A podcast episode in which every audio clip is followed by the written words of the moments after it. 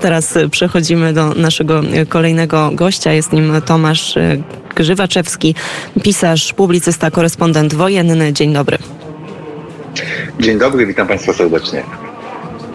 Mieliśmy rozmawiać o państwach bałtyckich i o Ukrainie i do tej części rozmowy przejdziemy, ale zacznijmy może od y, nowszej informacji. Wojska Azerbejdżanu wkroczyły do miasta Laczin, które od 1992 roku jest kontrolowane przez Armenię. Co to może oznaczać?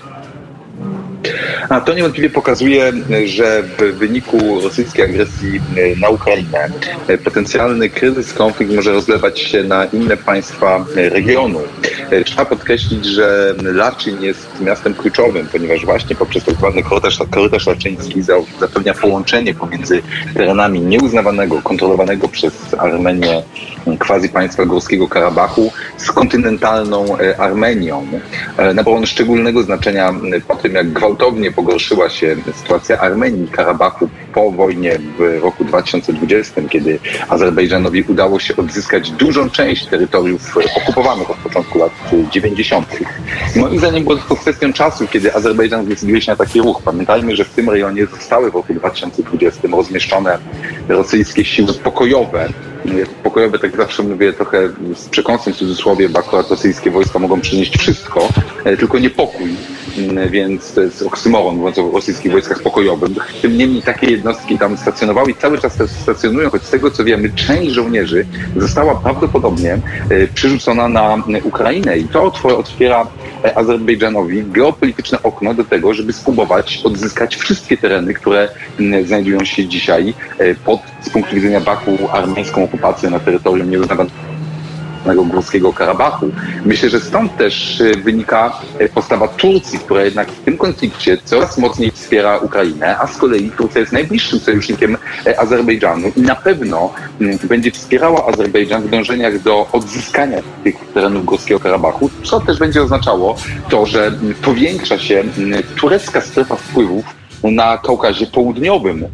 Także to jest to miejsce, gdzie już teraz widać te pewne tąpnięcia czy, czy przesunięcia, jeżeli chodzi o strefę wpływów, wynikające z tego, że Rosja e, po prostu, co jest chyba coraz bardziej widoczne, wojnę na Ukrainie przegrywa. To prawda i ta Turcja jest aktywna przez e, cały czas. My, Tomku, mamy teraz wielką wyprawę Radia Wnet. Przejechaliśmy przez Litwę, Łotwę, obecnie znajdujemy się w Estonii.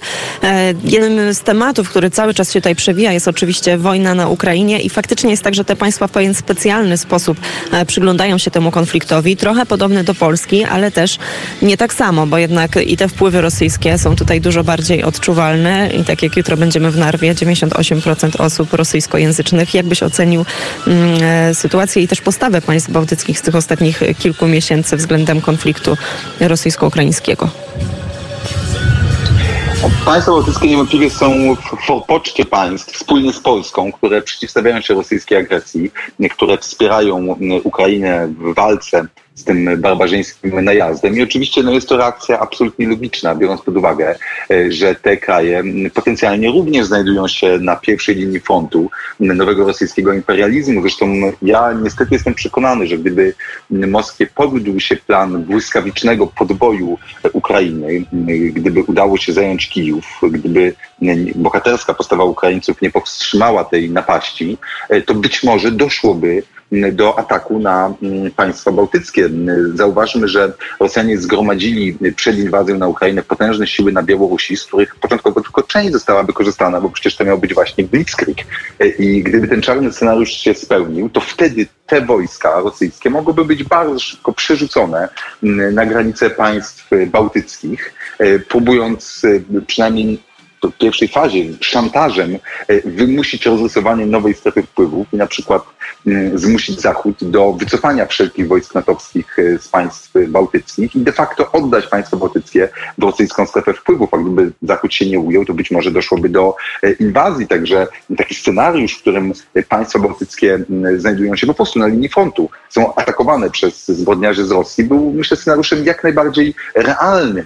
Dzisiaj oczywiście z uwagi na klęski wojsk rosyjskich na froncie ukraińskim, na szczęście ten najgorszy scenariusz oddalił się, nie jest już tak prawdopodobny, ale nie możemy wykluczyć, że w przyszłości jeszcze do takiego zagrożenia dojdzie. Państwa bałtyckie mają tego e, pełną świadomość.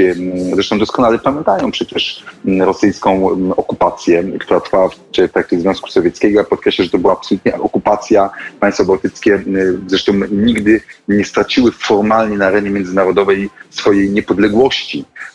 Kiedy one odzyskiwały niepodległość na początku lat 90., to wtedy nie ogłaszały niepodległości, tylko ogłaszały akty przywrócenia państwowości, bo ta państwowość w sposób nieprzerwany istniała od okresu dwudziestolecia międzywojennego. Mm, zresztą mieszkańcy tych państw pamiętają też, jak krwawo e, Rosjanie próbowali powstrzymać je przed powrotem do niepodległości. Przypomnę tutaj chociażby e, masakrę pod wieżą telewizyjną, e, gdzie Rosjanie czołgami rozjeżdżali pokojowych demonstrantów. Tam zginęło kilkanaście osób, wielokrotnie więcej mm, zostało rannych.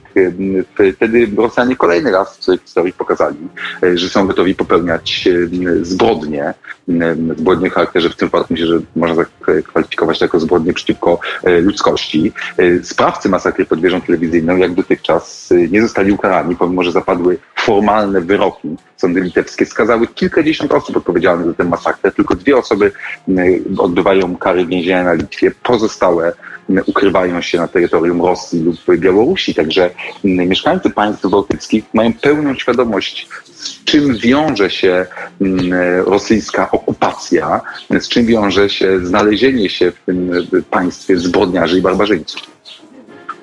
I ta świadomość zagrożenia, jakie niesie Rosja, faktycznie jest tutaj e, odczuwalna e, właśnie w państwach bałtyckich. To jeszcze jedno pytanie. Wczoraj na antenie Radia Wnet pułkownik Piotr Lewandowski powiedział, że ta wojna nie skończy się na e, polu walki, nie skończy się na froncie, że jedyny możliwy sposób jej zakończenia to jest sposób polityczny. My już mamy 184 dzień tej inwazji. Ty wielokrotnie byłeś na froncie, relacjonowałeś stamtąd wydarzenia, też cały czas czuwasz nad wszystkimi nowymi informacjami. Czy ty zgodziłbyś się z takim zdaniem? Jak uważasz, jaki jest najbardziej prawdopodobny scenariusz rozwiązania tego konfliktu? Moim zdaniem chyba za wcześnie jest y, teraz jeszcze, żeby mówić o tych scenariuszach najbardziej prawdopodobnych. Znaczy Rosja niewątpliwie będzie starała się zmusić państwa europejskie do tego, żeby z kolei te państwa wymusiły na, y, na Ukrainie rozpoczęcie negocjacji na warunkach oczywiście rosyjskich, które zakładają mm, ustabilizowanie linii frontu czy zamorzenie tego konfliktu w obecnym kształcie, co oznacza, że potężne mm, ukraińskie terytoria i przede wszystkim miliony ukraińskich obywateli e, pozostaną pod rosyjską okupacją. E, no I to jest scenariusz, który jest najbardziej niebezpieczny, ponieważ takie zamrożenie konfliktu da Rosji czas do tego, żeby uzupełnić zapasy zarówno broni, jak i amunicji, uzupełnić też stan liczebny armii i przygotować się do kolejnej e, inwazji. Ja nie wierzę w to, że Rosja miałaby w wyniku tej wojny zmienić w jakiś sposób swoje modus operandi. Rosja jest dzisiaj państwem, chyba możemy już tak powiedzieć, quasi totalitarnym państwem oczywiście no, zbrodniczym, państwem, które dopuściło się ludobójstwa, bo o tym trzeba mówić jasno. Rosja i Rosjanie popełniają na Ukrainie e, ludobójstwo. E, a więc takie zamrożenie konfliktu to tak naprawdę danie e, Rosji czasu do tego, żeby przygotowała się do kolejnej wojny. Mm, myślę, że tutaj jakby historia pokazuje, że innego rozwiązania nie ma. Zauważmy, że zamrożenie konfliktu, częściowe zamrożenie konfliktu na Donbasie w roku 2015 skutkowało tym, że po siedmiu latach Rosja dokonała wielkiej inwazji na Ukrainę. To, że do tej inwazji doszło, jest wynikiem bierności i uległości państw zachodnich, które pozwoliły na to, żeby Rosjanie rozpoczęli okupację Krymu, okupację Donbasu, a potem przez 8 lat utrzymywali linię frontu w centrum Europy pozwoliły również na to, żeby świat o tej wojnie e, zapomniał.